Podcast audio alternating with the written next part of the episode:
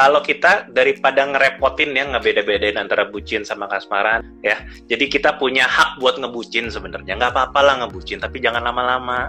Gitu loh. Kalau kelamaan kan jadi gila.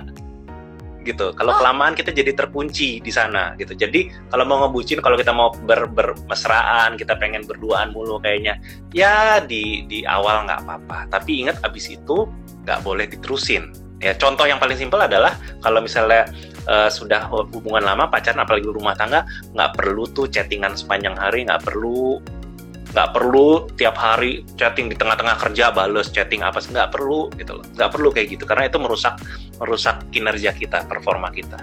Jadi bucin sama kasmaran kalau di kita kita samain aja anggap aja sama lah gitu loh.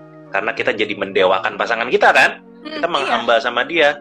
Ya di awal-awal it's okay asal tahu batasnya semakin kita merasa nilai, diri kita kurang ya kita semakin mudah ngebucin ke orang lain gitu loh. Kita bersedia banting tulang dan mengalah menyerahkan diri sama orang lain. Jadi kalau kita nggak mau jadi bucin mau terbebas dari kebucinan naikin nilai kita setinggi tingginya supaya kita jadi ada tamengnya ada bentengnya ada harganya.